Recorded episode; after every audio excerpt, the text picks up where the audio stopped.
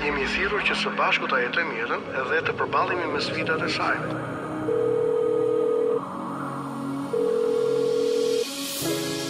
Unë jam pastor Akil Pano. Në Top Albania Radio vjen një program i folur për njeriun, familjen, shoqërinë. Është dita e tetë. Drejt shërimit dhe shpresës. Për ju që ndiheni vetëm dhe të izoluar. Nuk jeni vetëm.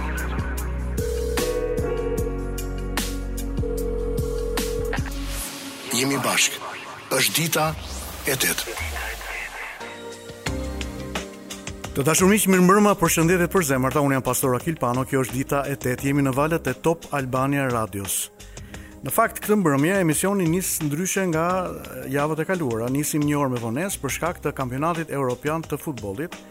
Shumë programe janë spostuar, përfshi këtu dhe programin tim të përjavshëm çdo të mërkurë, derisa të përfundojë kampionati evropian i futbollit, do të vijojmë duke nisur, duke startuar programin tonë dita e 8 në orën 9 të mbrëmjes. Sot kemi një temë uh, vërtet të veçantë, një temë shumë të rëndësishme. Prindërimi i shëndetshëm. A ka një formulë? Të jesh prind është një nga detyrat më të vështira, është një përgjegjësi e pafund, por a ka një formulë të saktë, edhe një sekret i cili mund t'i ndihmojë prindërit e rinj për të rritur fëmijë të shëndetshëm dhe për të pasur një familje të bashkuar? Në fakt, rreth 26 vite më parë kur unë hyra në martesë, nuk isha i pa i, i përgatitur, më duhet të them. Sot e kuptoj. Do të doja që të kisha një mentor, do të doja që të kisha një profesor, një mësues, mirëpo realiteti i jetës është i vështirë. Hym brenda brenda jetës edhe duket sikur vetë jeta, dhimbja, vuajtja janë mësuesit më të mirë të saj. A ka një formulë të saktë? A ka një sekret i cili mund të na ndihmojë për të qenë prindër, për të rritur fëmijë të shëndetshëm, për të pasur një familje të bashkuar dhe të bekuar. Pikërisht kjo është tema Këshillat dhe eksperiencat do të na vijnë nga një çift, të cilët unë i admiroj, i shoh gjithnjë si një familje e kompletuar. Kanë bërë disa gurë kilometrikë në jetën e tyre, jo vetëm në karrierën profesionale, por gjithashtu dhe atë çka ne të gjithë dëshirojmë që ta mbajmë brenda vetes, dhe gjithë kohës ta shikojmë të lartësuar familje. Kanë një familje të bekuar, kanë tre tre fëmijë. Dëshiroj që t'ju ftoj të na ndiqni përgjatë këtyre minutave sepse do të jenë minuta të cilat do ndërtojnë vlerë, do t'ju bekojnë, do të jenë ndihmë për prindërimin tuaj.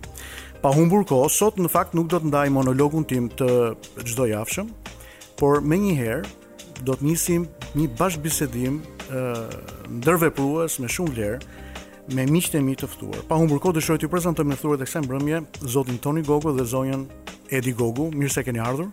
Mirëmbrëma pastor. Ju jam vërtet mirënjohës që erdhët. Në fakt, eh, sot vetëm kuptova që ju duhet të udhëtoni për të ardhur në Tiranë pak më shumë se sa unë. Po është udhëtim i këndshëm.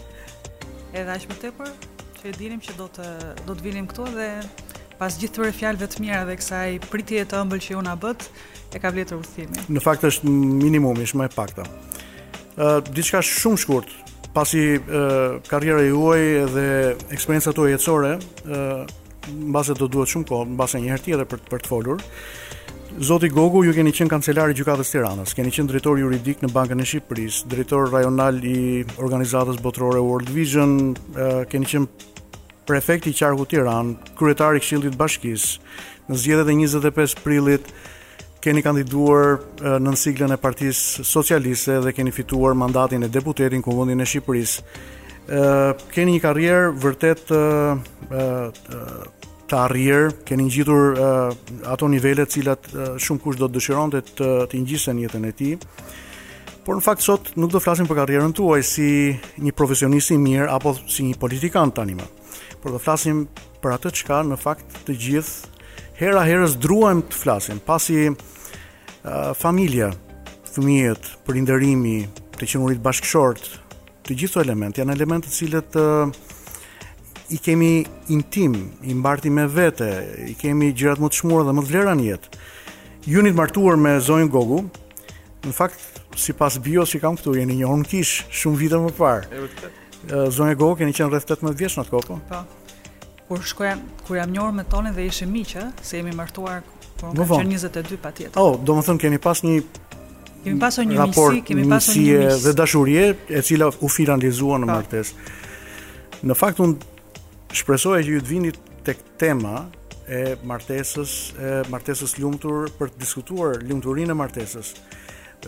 Gjithsesi, do të vijojmë të flasim për prindërimin sot këtë mbrëmje. Zonja Gogu, ju jeni njohur me Tonin, sikundër e thashë shumë vite më parë. Ju jeni përkushtuar rritjes së fëmijëve tuaj, familjes.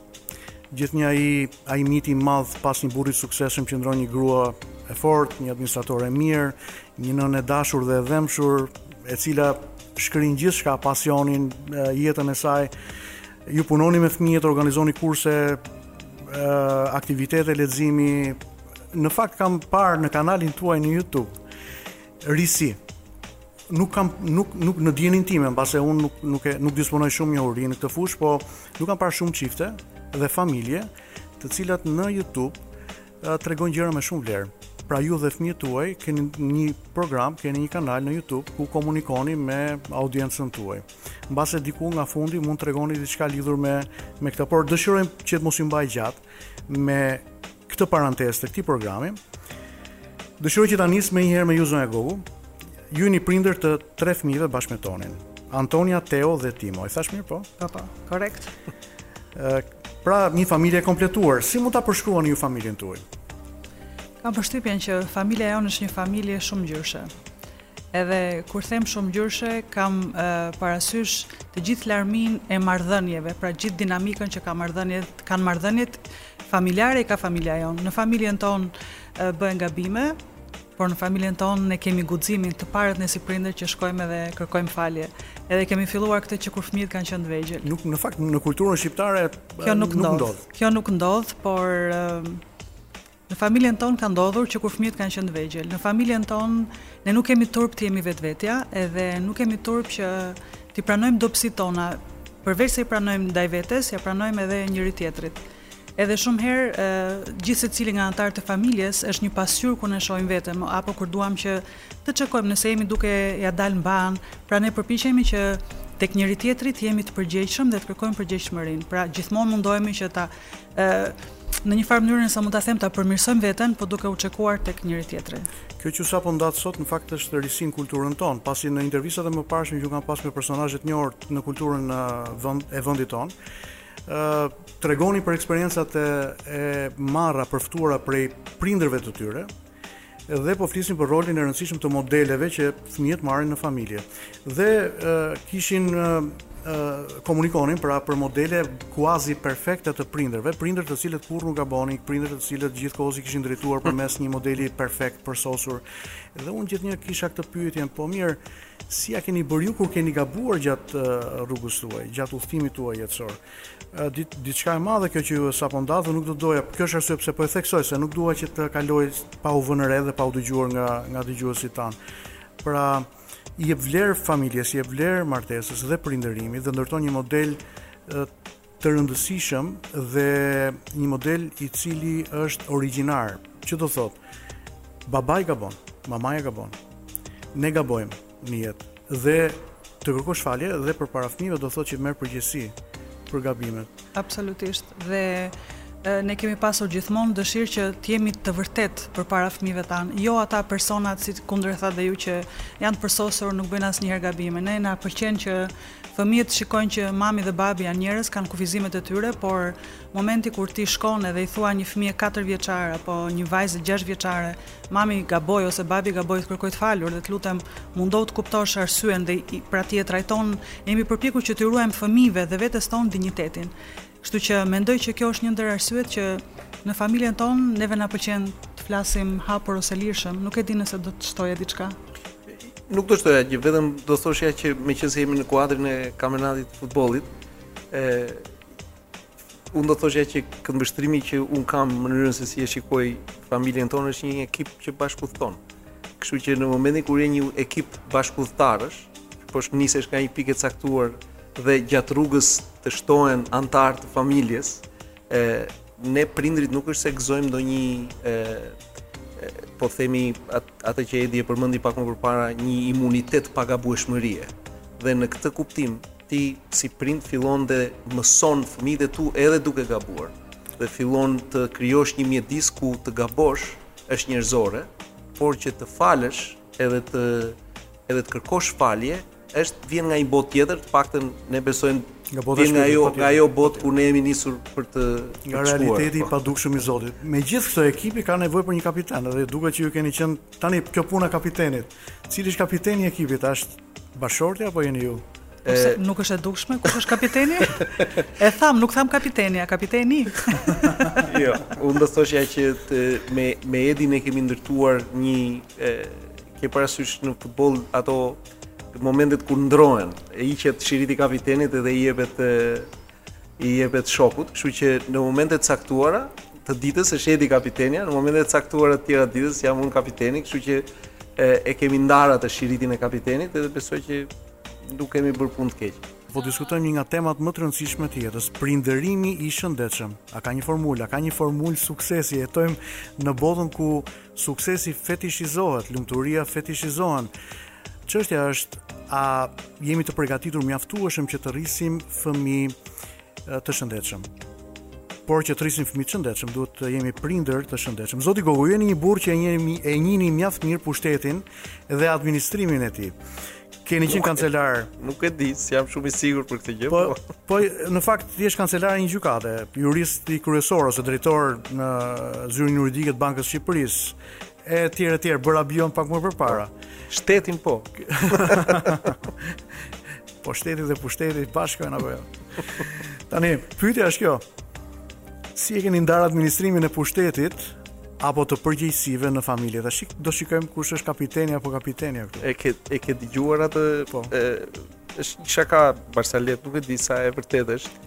E James Belushi, kur e pyesin kishte gjetur më në fund pas disa po themi e, krisjeve martesave që nuk kishin qenë të suksesshme, kishte gjetur më në fund suksesin dhe e pyesin i thonë që ore si ia bëre? Po o, tha, shumë e thjeshtë. I kemi ndarë thotë, e, gjërat e rëndësishme tha kujdesem unë tha, kurse gjërat e parëndësishme tha kujdeset nusja.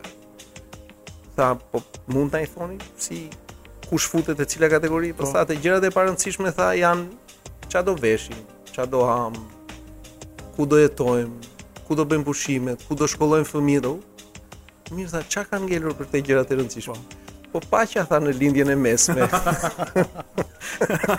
Me këto tha merrem unë tha. Po, po, po ka gjithmonë një çarmati, çarmatimi botëror. Gjithmonë një kapitene shumë shumë e rëndësishme kjo.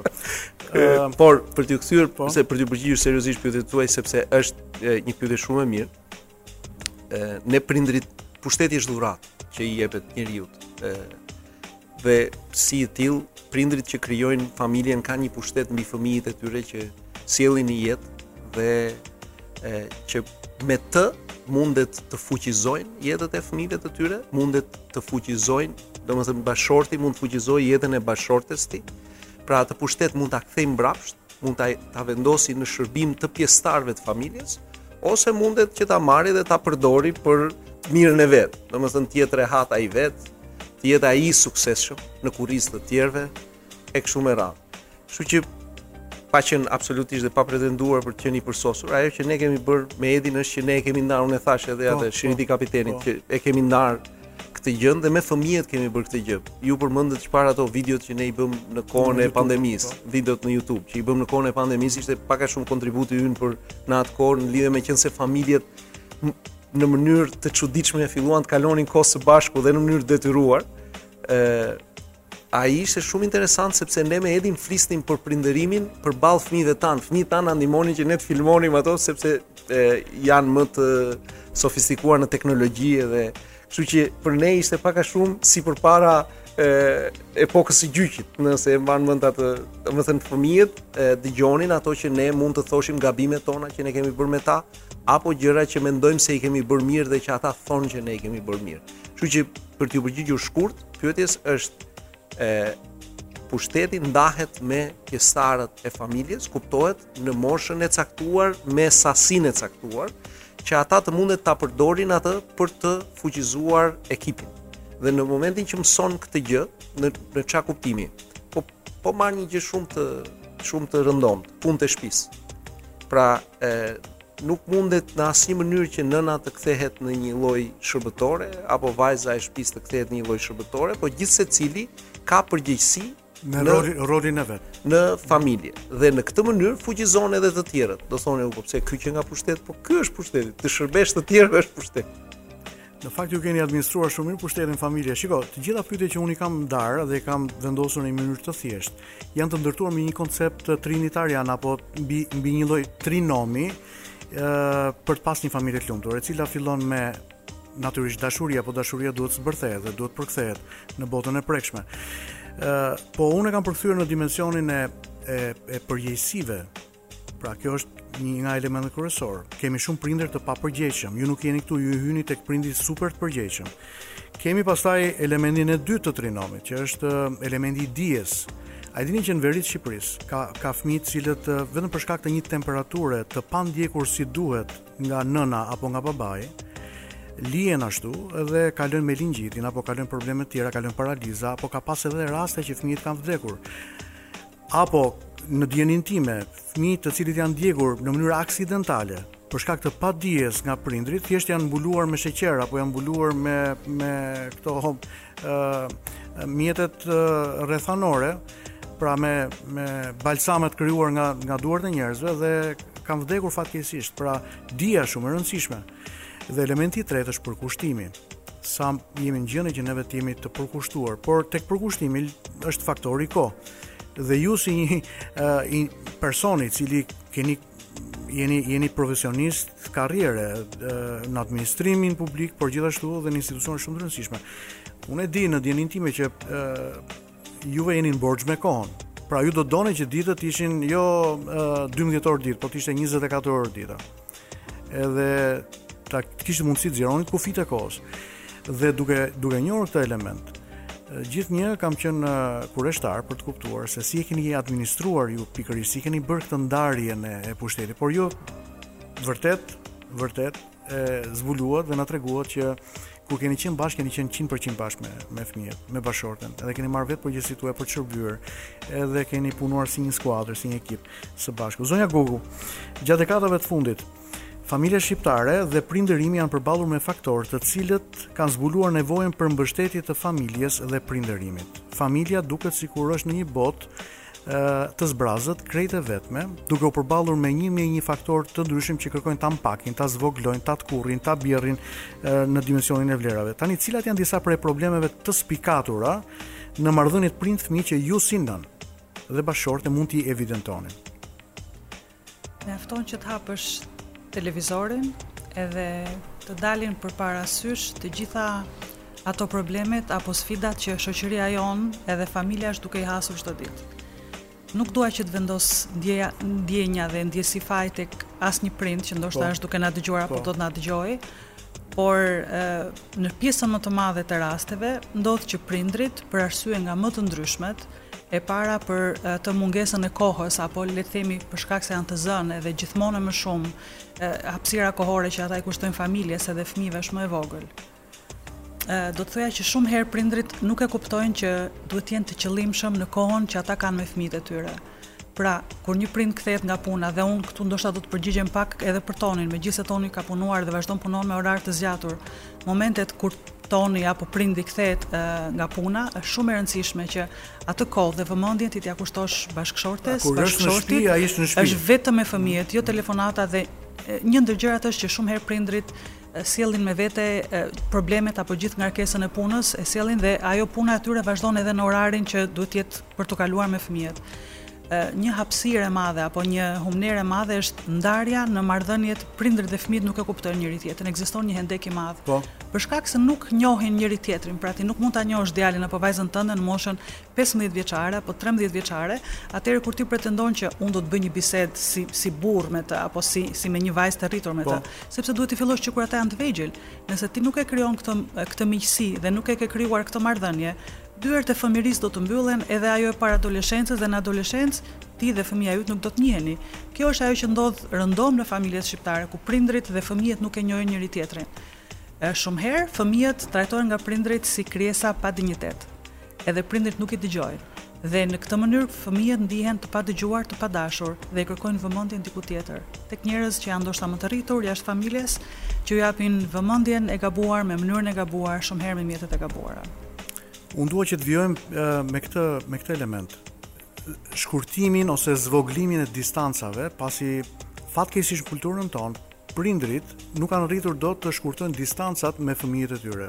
Mbase për shkak se nuk hyn dot në botën e fëmijës, mbase për shkak të ngarkesë 1001 ngarkesave që lidhen me punën dhe me probleme të tjera ekonomike, por e kam kam vënë re që Edhe në debatin e, e diskursit publik që lidhet me dhunën në familje apo me përdhunimet që kanë ndodhur të të miturave në vendin tonë përpara pak kohësh, ka pas disa mm. raste përdhunimesh. Një nga problemet ka qenë fakti që nëna nuk ka, ka kuptuar dot vuajtjen dhe dhimbjen emocionale dhe shpirtërore dhe ndryshimet e, fizike, fiziologjike të fëmijës, e cila përdhunohej në mënyrë konstante nga një grup individësh. Çfarë ndodh me ata prind të cilët kanë humbur fëmijërinë e fëmijëve të tyre për 10, 12, 14 vjeç, pra nuk kanë qenë të pranishëm.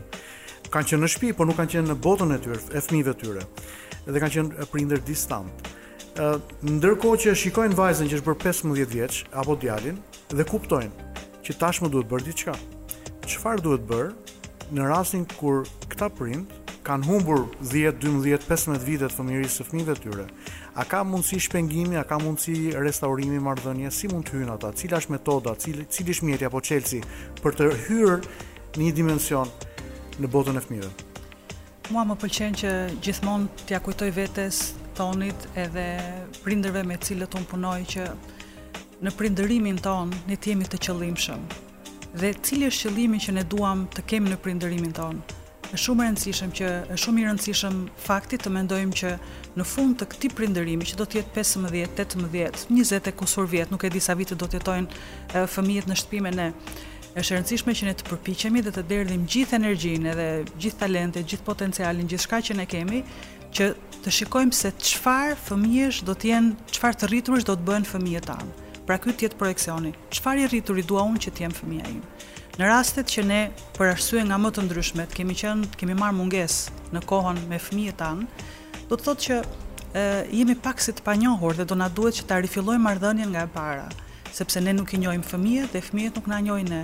Edhe do të na duhet që të fitojmë besimin. Është një lloj si në një marrëdhënie të re dashurie, ku ti njeh një person, por duhet të fitosh besimin, duhet të fitosh zemrën. Edhe të mos harrojmë që katërmbëdhjetë, pesëmbëdhjetë vjeçarët janë ata adoleshentë apo ata të rinj, të cilët kanë kaluar, janë ende në një moment tranzicioni, nuk janë as fëmijë, nuk janë ende as të rinj.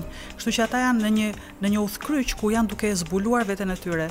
Dhe është një moment që ka nevojë për shumë mirëkuptim.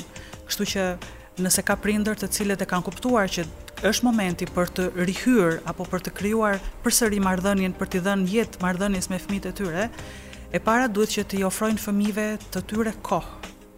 Ë duhet t'i ofrojnë një vesh që fëmijët e tyre ë të kenë mundësi që të flasin. Duhet të pranojnë që disa dyer mund të mbyllen. Do të ketë, mund të ketë dhe raste që fëmija thjesht nuk të pranon dhe të refuzon. Edhe atëherë si një prind i mirë dhe si një prind i dashur që ne duhet të jemi të tillë dhe të durueshëm me fëmijët tanë, nuk duhet të dorëzohemi dhe duhet të të rivazhdojmë përsëri, sepse është shumë e rëndësishme që ne të krijojmë momentin e besimit. Nuk e di nëse doje që të shtoje diçka. Jo, ekzaktësisht të njëjtën gjë, pra, Do lypësh faljen, do lypësh miqësinë. Do lësh çdo gjë tjetër që ke në atë moment, ë gjëja më e rëndësishme që ti ke është do të do të fitosh, rifitosh besimin e fëmijës tënd. Tani këtu kemi një problem dhe është problemi i pritshmërive. Pasi jetojmë, jemi në një kulturë, jemi pjesë e një kulture ku prindrit ngrenë një stek të lartë pritshmërie përkundrejt fëmijëve të tyre. Pritshmëri në lidhje me idenë e edukimit, vlerësimeve në shkollë, pritshmëri në lidhje me idenë e dimensionit moral, po flasim për ato familje të cilat vlerësojnë vlerat, virtytet morale, pritshmëri në lidhje me idenë që duhet të bëhesh dikush në jetë, veçanërisht në qoftë se vajza apo djali është i pari dhe ka më pas 2, 3 apo 4 fëmijë të tjerë, çfarë u thuhet fëmijëve të parë, të cilët hera-herës zhvillojnë edhe atë sindromin fëmijën prind. U thuhet që shiko, në varësi të ecurisë tënde, do të ecin edhe të tjerët mm -hmm. pas teje. Pra, ka ka zhgënjime tek prindrit dhe fatkeqësisht hera-herës këto zhgënjime prindrit i komunikojnë ia ia pasqyrojnë dhe fëmijëve. ë Çfarë mund të themi lidhur me zhgënjimin? Zhgënjimi nga ana e prindërve lidhur me idenë e atyre standardeve të paplotësuara nga ana e fëmijëve. Çfarë Çfarë zgjidhje? Ia këpusin me një gotë ujë, me një gotë verë, ta kapërcejnë. Kam përshtypjen që ndodh me çdo prind. Pra, çdo prind mendon më të mirën e botës për fëmijën e vet. Po. Ëh, por që do ta burgosë brenda atyre zhgënjimeve. Kështu që gjëja e parë që duhet të mendojë është që duhet të çlirojë fëmijën nga pritjet e veta, sepse ato janë janë kthyer në një burg fëmijën. Pra, kështu që duhet t'i lërë mënjanë ato. Të jenë më të kujdesshëm për shëndetin emocional edhe shpirtëror të fëmijës edhe të mos kapërcejnë atë kufirin e e e, e, e këtij Shumë herë element. prindrit e, projektojnë veten e tyre tek fëmijët, Po. apo të, ato dëshirat e parealizuara. Edhe kjo është një barrë shumë e madhe që shpatullat e brishta të djemve dhe të vajzave tanë nuk e mbajnë dot. Kështu që është shumë e rëndësishme që ne të, shi- ne të shikojmë se kush janë fëmijët tanë. Të Tani njohim pyetja e prindërve, më fal, zonja Gogu, se Po. pyetja e prindërve është por Shpatullat tona të brishta pse i mbajtën? Sepse ti je prind. Edhe absolutisht që shpatullat e tua ke dhe pjekurinë, ke dhe moshën. Jo, jo në dimensionin e të qenurit prind, në dimensionin e të qenurit një udhëtar mm -hmm. përgjatë shtegut të jetës. Edhe çështje brezash. Ne u po. Këtu tani fillon pra, pra, fillon pra, mos pra, mos marrëveshja mes brezave. Çfarë do me prindrit? Prindi thon, djali i ka të gjitha gati. Ne nuk i kishim gati, pra brezi ynë. Është brezi i emigracionit, është brezi i, i një stërmundimi me më shumë se sa një punë, përpjekje të mëdha, kaluam tranzit kaluam, po vijojmë udhëtimin përmes tranzicionit të vështirë e të gjitha këto dhe kur shikojmë që fëmijët i kanë gati gjërat, Pritjet janë më të mëdha. E njëjta bisedë ka qenë dhe midis meje dhe tim ati, midis tij dhe babait të vet. Pra brezat duhet gjithmonë brezi i mëparshëm mendon që ka sakrifikuar më shumë se sa brezi që vjen më pas. Ë unë them që nuk shkojmë asgjëkundi. Duhet që brezat të fillojnë dhe të pajtohen sepse është e vetmja mënyrë pra të mirëkuptojnë pozitat e njëri-tjetrit mhm. dhe të fillojnë dhe t'i japin t'i japin njëri-tjetrit domethënë atë gjën që nevojitet të jepet për shembull brezi ynë nevojitet këtë lloj vështirësie që ne kemi kaluar që është kthyer në përvojë, t'ja u japim fëmijëve tanë nëse atyre u nevojitet dhe nëse ata janë gati ta marrin. Nuk ja u imponojmë dot, po Edi me ça shoh ka diçka për të thënë. Jo, ajo që unë doja të thoja ishte vetëm një detaj shumë i vogël. Shumë herë ne prindërit besojmë që kemi këtë kapitalin e njohurisë dhe të urtësisë. Gjithmonë duhet të kemi parasysh që fëmijët tanë nuk janë ne, dhe vajza ime nuk do të jetë unë, do të jetë komplet ka talentet e saj ka pëlqimet e saj ka dhuntitë e saj do të na çlironte edhe ne dhe marrëdhënien me me fëmijët tanë nëse ne ju japim fëmijëve mundësinë që të rriten edhe të gabojnë Ne shumë herë kemi frikë sepse duam që ata të mos gabojnë, të mos vriten, edhe shumë herë mendojmë që nëse unë ja bëj këtë gjë gati, do ta kenë shumë më të lehtë. Prandaj ne kemi ende djem dhe vajza, sidomos djem, edhe nëpër qytete, edhe në zonat rurale, që megjithëse janë nga dyzet apo nga dyzet e pesë vjeç, është akoma mami dhe babi që merr vendimet për ta. Dhe kjo është një gjë e gabuar. Edhe jo vetëm vendimet. Vendimet, komandën në familje, udhëheqjen e fëmijëve, po, e shumë po, e shumë e shumë gjëra të tjera. Sepse pa dashjen e tyre. Bajë dhe parë. Pa dashje po mbajnë barrën. Pra kjo këto quhen familje helikopter, pra Është prindi që vjen edhe krijon atë lëvizjen tjetër për të hyrë dhe për të bërë një ndërhyrje shpëtimtare në jetën e fëmijës.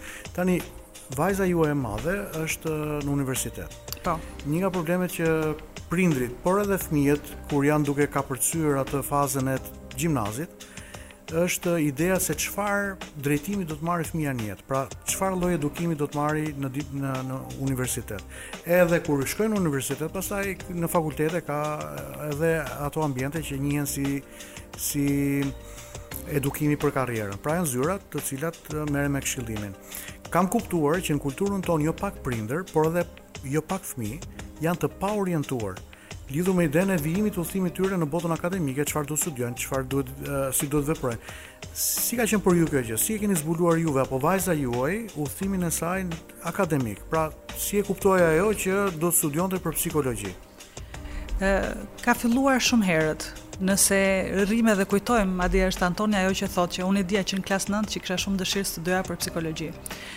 Prindërit sidomos ata që kalojnë pak më shumë kohë me fëmijët e tyre, ti arrin të kuptosh nëse fëmija është i talentuar, ka një prirje artistike apo çfarë lloj talenti ka. Edhe ne jemi përpjekur të dy si prindër që t'i t'i ushqejmë fëmijët tanë me këtë idenë që t'ia ushqejmë pasionin, por gjithashtu dhe të provojnë gjëra të ndryshme që ata të mundet të gjejnë veten. Edhe ndërsa Ne thjesht kemi qenë duke biseduar dhe Antonia ka thënë që më pëlqen psikologjia, më pëlqen të kuptoj botën e njerëzve, më kuptoj, më pëlqen të të shikoj pse reagojnë në mënyra nga më të ndryshmet. Thjesht kemi shkuar, kemi blerë libra të caktuar dhe ka qenë një mënyrë ajo është prezantuar vetë deri diku me me këtë pasionin e vet. Kështu që për ne ka qenë pothuajse ka qenë pothuajse e thjeshtë. I kemi mund i kemi dhënë mundësinë që e kemi prezantuar me me miq tanë të cilët kanë qenë le të themi psikologe edhe ato kanë bërë ato bisedat apo pyetjet që edhe vajza jonë ka pasur, ka qenë pak për ne ka qenë pak e thjeshtë. Ë uh, zonja po, Gugu, po, e sigurt ka qenë po, që të mhm. krijohet një mjedis, siç tha Edi, që fëmija të njohë veten, të njohë profesionet që janë aty jashtë dhe të fillojë dhe të shprehë dëshirat dhe që prindi të fillojë të tregojë se si ngjan ai profesion. Pra, unë e mbaj mend shumë mirë që ne kemi bërë dhe pra kanë kanë parë dhe se si ngjajnë profesionet. Pra si ngjan puna e një psikologu, si ngjan puna e një juristi apo një avokati, apo si e një mjeku e kështu me radhë. Po. Ë Kështu që është e rëndësishme që siç e thashë edhe më përpara që për prindërit është është shumë e rëndësishme të të kuptojnë fëmijën dhe t'i vënë atyre mundësitë që ata të fillojnë të zgjedhin. Pra Antonia zgjodhi ekzakt profesionin e vet, dëshirat e tyre gjithashtu. Pra Flasim për një lloj detyre prindërore për të ndezur një llampë në botën e fëmijës, exact. për të ndriçuar atë dëshirë apo atë talent të fshehur që mbase fëmija nuk ka mm, ende njohurinë që e ka, apo guximin për ta thënë, për ta shprehur që shiko unë kam këtë prirje dhe dua të bëj këtë gjënë. Këtu fillon. Tani, flasim në kulturën tonë për varfëri. Edhe varfërinë e lidhim vetëm dimensionin ekonomik. Ne besojmë që ka varfëri shpirtërore gjithashtu. Tani, jo, jo, jo domosdoshmërisht në dimensionin religjioz. Si i keni pasuruar ju fëmijët, ose si i keni ndihmuar ju që ata të pasurohen në, në botën e shpirtit? E, Edi ka qenë shumë e kujdesshme që fëmijët që të vegjël të ndërtonte një bibliotekë të mirë klasikësh. Pra klasikët T'i merrnin në versionin e fëmijëve. Dhe kur them klasikët flas për letërsinë klasike. E njëjta gjë me muzikë. E njëjta gjë me, domethënë jam përpjekur unë pak me sportin. Pra, një program të thjeshtë të e, po themi arteve liberale, nëse mundet ta quajmë artin pamor. Artin pamor, pra piktura, vizatimi, pra mbaj mend që Teo ishte i vogël dhe vizatonte, ishte mënyra se si ai shprehte ç'a ndjekte, ç'a ndjente.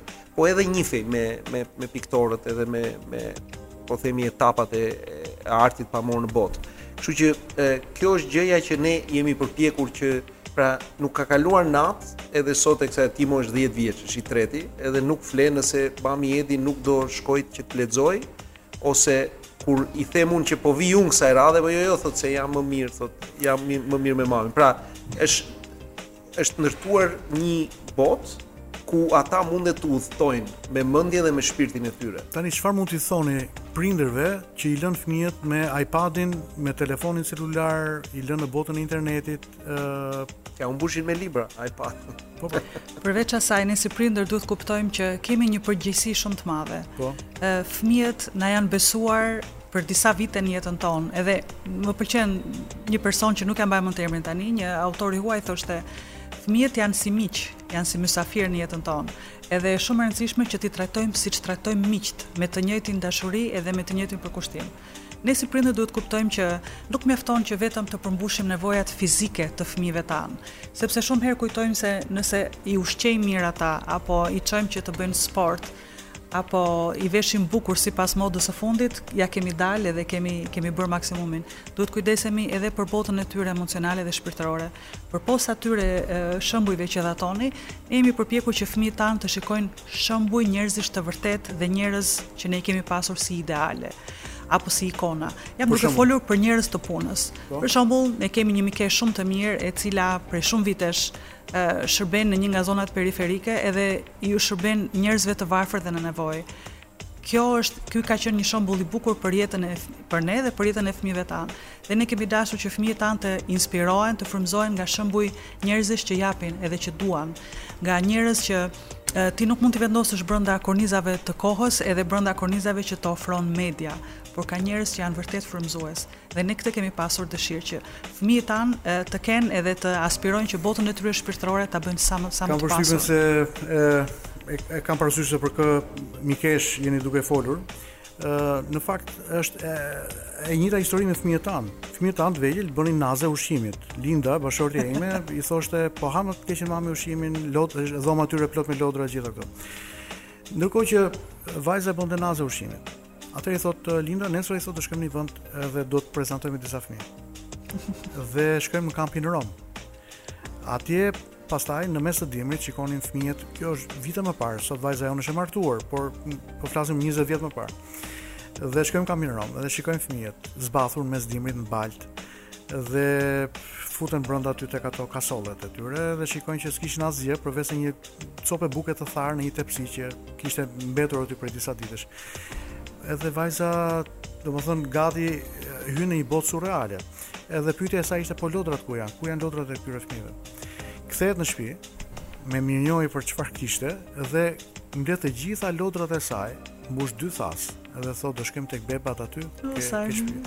dhe në fakt ky ka qenë elementi dhe ky ka qenë momenti që ishte si me thënë fara e fillimit të një shërbese që kisha jonë nisi të operojë mes komunitetit rom edhe vijon për për përgjatë këtyre 20 viteve edhe vazhdon por modelet të cilat modelet të cilat Prindërit ndikojnë tek tek fëmijët e tyre.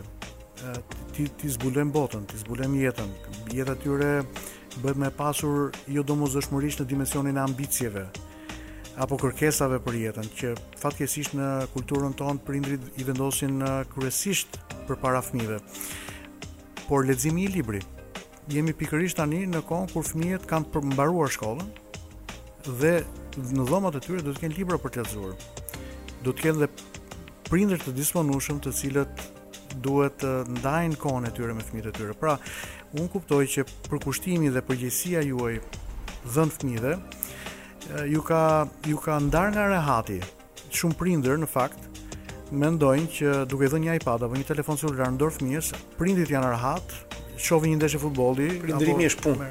Por në fakt nuk do të jenë rehat në vijimin e udhëtimit të fëmijëve të tyre nëse do të vijojnë me këto lloj modelesh prindërimi. Ë Në fund të bisedës sonë, pasi koha në radio po shkon drejt fundit. A mendoni që ka një formulë për ta përmbledhur dhe cila do të ishte formula për një prindërim të mirë? Nëse ju e keni, dhe unë besoj që e keni. A mund ta ndani në mënyrë të përmbledhur me me dëgjuesit e Top Albania Radio? Unë nuk e di nëse mund të jetë formulë, po unë do t'i thoshja çdo prindi që të gabojë duke i dashur fëmijët në mënyrë sakrifikuese. Pra, do të duhet që e, të ndërtosh një themel të fortë dashurie. Vitet e para të jetës së fëmijës janë kyçe, 0 deri në 6 vjeç ne me Edin besojmë që janë vitet që formohen. Kupto që fëmija është duke u formuar, mendja e tij është duke u formuar, në një mënyrë kuptoje edhe biologjikisht fëmijën, por mos e lër vetëm biologjikisht, shpirtërisht, gjithashtu është shumë e rëndësishme që ta kuptosh fëmijën.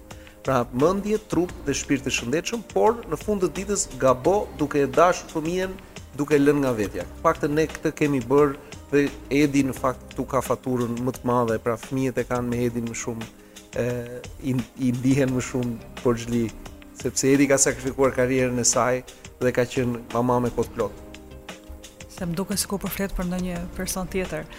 E, Ajo që unë do të kisha dëshirë të ndaja me ata prindër që janë duke na dëgjuar është një gjë shumë e thjeshtë. ë të mos kemi frikë të ushtrojmë rolet tona si nënë edhe si si baba. Edhe të mos ta ë mos ta delegojmë rolin e prindit tek askush tjetër. Sepse nëse Zoti do t'i kishte krijuar fëmijët dhe ata do të rriteshin nga nëna dhe nga gjyshi, s'kishte pse të lindnin përmes mamit dhe babit. Absolutisht po. Është shumë e rëndësishme që ne të mos e delegojmë rolin tonë si prind, edhe të arrijmë të njohim se cila është fuqia jetëndryshuese që ka ky rol. dhe gjithashtu të mos heqim dorë në asnjë moment sado i vështirë të jetë prindërimi. Sepse not, ne sot po flasim për prindërimin dhe jemi duke parë këtë idenë dhe duke menduar vetëm shembujt më të mirë. Prindërimi është i vështirë dhe prindërit për arsye nga më të ndryshmet dhe për faktorë të ndryshëm përballen çdo ditë me gjëra shumë të vështira. të mos heqim dorë sepse ne jemi burimi parësor i dashurisë edhe i sigurisë për fëmijët tanë dhe ajo gjë që unë e them gjithmonë në çdo trajnim që ne bëjmë me prindërit është që prindërimi bëhet në çift. Përveç rasteve të fatkeqësive që njëri nga prindërit nuk jeton më apo ka ndodhur një ndarje prindërimi dhe nëse duam që të kemi prindërim të mirë, nuk duhet t'ia lëmë vetëm njërit prej prindërve. Babi dhe mami duhet të jenë bashkë. Mami dhe babi duhet të jenë bashkë. Shiko, unë dëshiroj t'i drejtohem Antonias, po. Teos edhe Timos, nuk e di na ndjekin apo jo, por jam i sigurt që emisionin në YouTube do ta ndjekin. Do t'i them uh, Antonias, Teos edhe Timos që jam vërtet mirënjohës për babin e tyre dhe për mamin e tyre dhe jam vërtet mirënjohës juve. Faleminderit shumë. Besoj që besoj që fëmijët tuaj janë uh, super të bekuar, janë me fat që ju kanë dhe natyrisht duke pas këtë model prindërimi do të udhëheqin fëmijët e tyre në dimensionet uroj më të larta nga sa ju i udhëhoqët bijtë tuaj. Ë lutem për gjitha bekimet e Zotit në jetën tuaj, bekime dhe suksese në karrierë, i dashur Toni. Faleminderit edhe ju shumë urime për emisionin. Faleminderit nga zemra. Dhe ti sa më jetëgjatë. Edit, të falenderoj shumë për kripën edhe çdo bekim që solli këtu. Edhe unë ju falenderoj shumë për ftesën edhe qofshi bekim me me gjithçka, me çdo të ftuar që ju ftoni edhe me çdo temë që ju ngrini përmes këtij emisioni. Të dashur miq, mirutakofshim të mërkurën që vjen, Zoti ju bekoftë.